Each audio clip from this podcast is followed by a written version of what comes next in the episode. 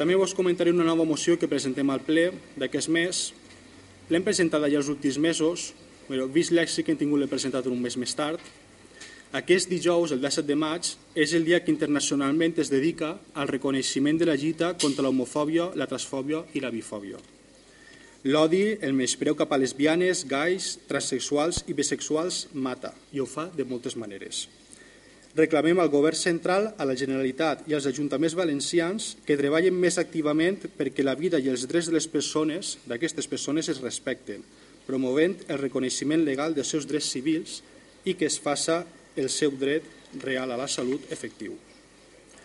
El 17 de maig, aquest dia, nosaltres hem de reclamar doncs, la fi de tota discriminació per motiu d'orientació sexual, identitat de gènere i per reconèixer que la igualtat legal és el mecanisme més eficaç, més eficaç per combatre-la.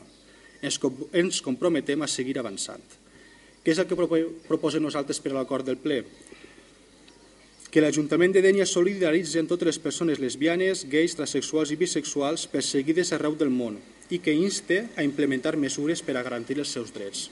En aquesta moció, que com deia abans l'hem presentada en anys anteriors, hem eliminat un punt, perquè vist l'èxit que hem tingut, havia un punt que, era, que demanava que la senyera Alquiris d'aquest col·lectiu que representa fora visible es penjara al balcó de l'Ajuntament. Això no ho han fet mai. Normalment el que han fet ha sigut posar-la amagada en el saló de plens, no a la vista, i com comentava, vist l'èxit que he tingut i veient el més preu que d'alguna manera suporta aquest, ha patit aquest col·lectiu i com s'ha amagat la bandera d'aquesta manera, pensem que hem decidit eliminar aquest punt perquè pensem que no val la pena veient com se'ls tracta.